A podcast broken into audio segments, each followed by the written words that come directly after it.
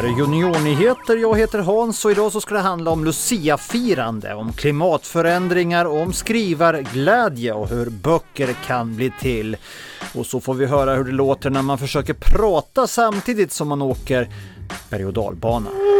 Man bara faller och man åker igenom torn och det är, man känner att man är så nära så mycket grejer som inte är där.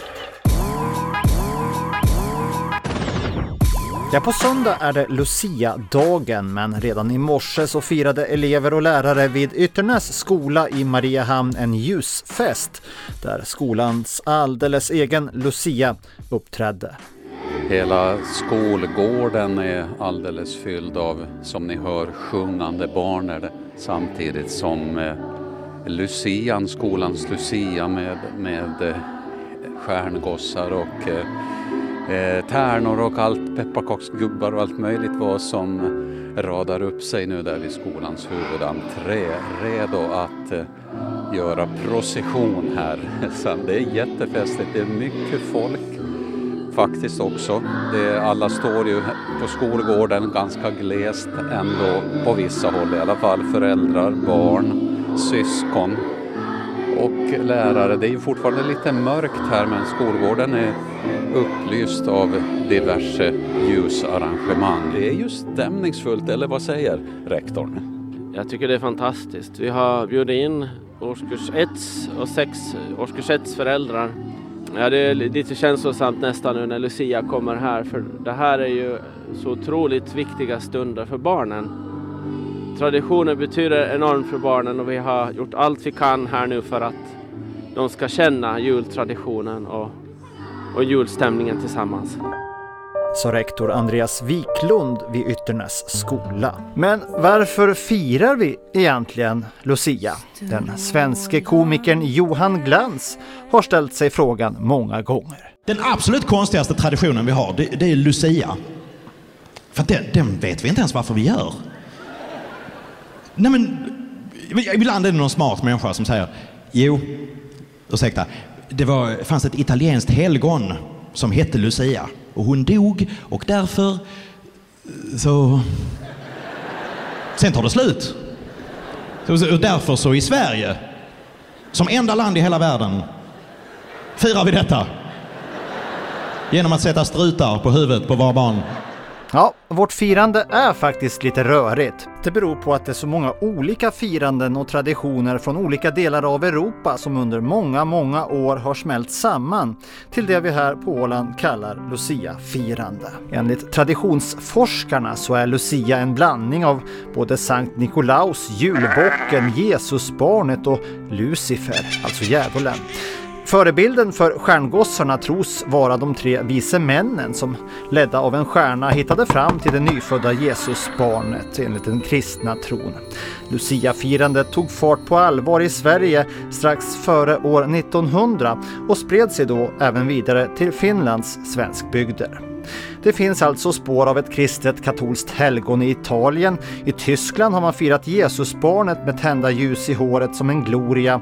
Och här uppe i norr, där solen inte visar sig speciellt länge så här års, så fanns det ett firande av det man ansåg vara årets längsta natt. Den här natten var inte bara mörk utan full av troll och ondska. Det var också den här natten som julefastan inleddes, så då gällde det att proppa i sig så mycket man kunde. Man kan alltså inte säga att en hel svensk eller hel finsk tradition, som så ofta när det kommer till kultur och traditioner så har vi inspirerats av varandra från olika hörn i världen. Något som vi har gjort i alla tider. Det har varit varmare än vanligt den här hösten på Åland. Ja, faktum är att Östersjön är två grader varmare än vad den brukar vara den här årstiden. Vid Husö biologiska station som är en forskningsstation i Finström där studerar man delar av Östersjön och de olika arter som lever där. Tony som arbetar vid Husö berättar vad de här värmeböljorna i vattnet ställer till med. De marina värmeböljorna då kan ju leda till att arter som inte kan flytta på sig speciellt så det får det svårt om det blir extremt varmt. Det är inte bara på land som det blommar om våren. Även Östersjön har sin vårblomning av växtplankton. De högre temperaturerna gör att blomningen nästan en månad tidigare nu jämfört med för 20-30 år sedan. Och det betyder att när det finns som mest mat för djurplanktonen så har de inte kommit igång riktigt ännu. Eftersom de är lite trötta behöver mera ljus. De missar buffén, de kommer för sent och alla de fiskar som äter djurplankton får heller inte samma festmåltid. Milda vintrar med mycket regn leder till att det rinner ut för mycket näring i Östersjön och att det bildas stora algmattor som förbrukar det syre som djuren behöver. Det är nog faktiskt så att Östersjön mår nog inte så bra. Inte. Redan kring midsommar hade vi ganska kraftiga eh, algblomningar av cyanbakterier, det vill säga blågröna alger.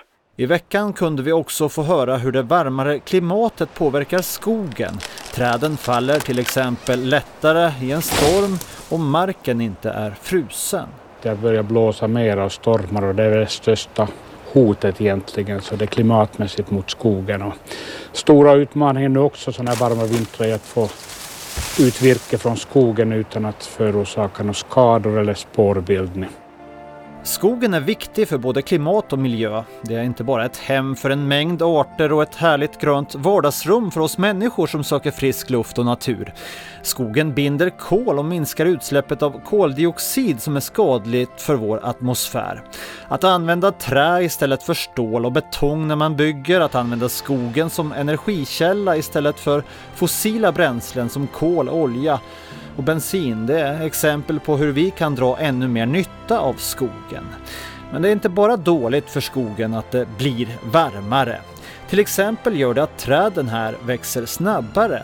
Ja, faktum är att Torbjörn som jobbar med att ta hand om åländsk skog tror att det kanske kommer ta 50 år istället för 100 för träden att växa sig tillräckligt stora här på Åland för att bli bra virke. Skogen växer ju som aldrig förr och det är ju positivt.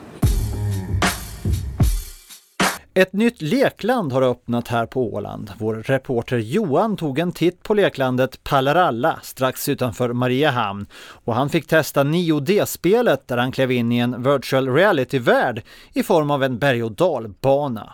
Behöver man säkerhetsbälte för det här? Ja, men vi vet ju inte när du hoppar ut här så. Gud, det var högt. Wow, berg och dalbana, okej. Okay. Eh, tvärberg och dalbana och man känner att den stiger. Jag ser nu fallet som är. Jag känner ju att det är läskigt. Läskigt!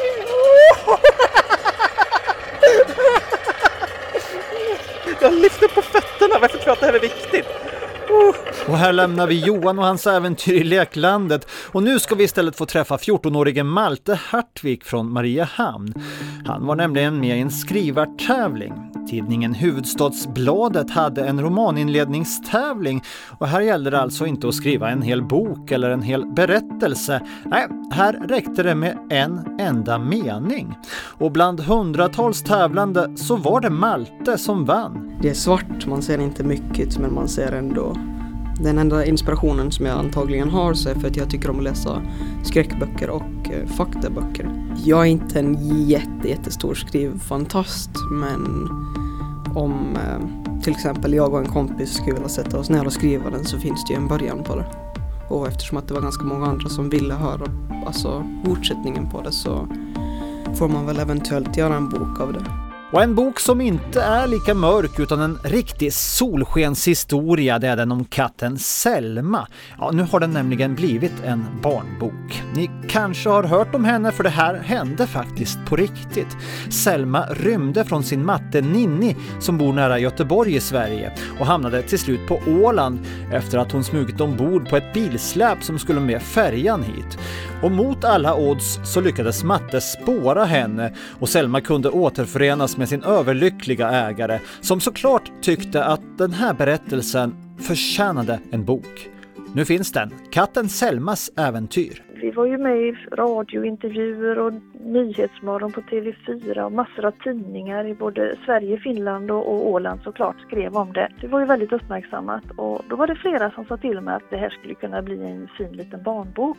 Men jag har ju aldrig skrivit något tidigare och visserligen blev jag lite sugen på att försöka men äh, jag tog inte tag i det då. Men så när coronan slog till här i våras så fick man ju lite mer tid över på kvällar och helger och sådär. Och ja, då kom tanken tillbaka att ja, men varför inte ge det ett försök? Och, ja, nu är boken här.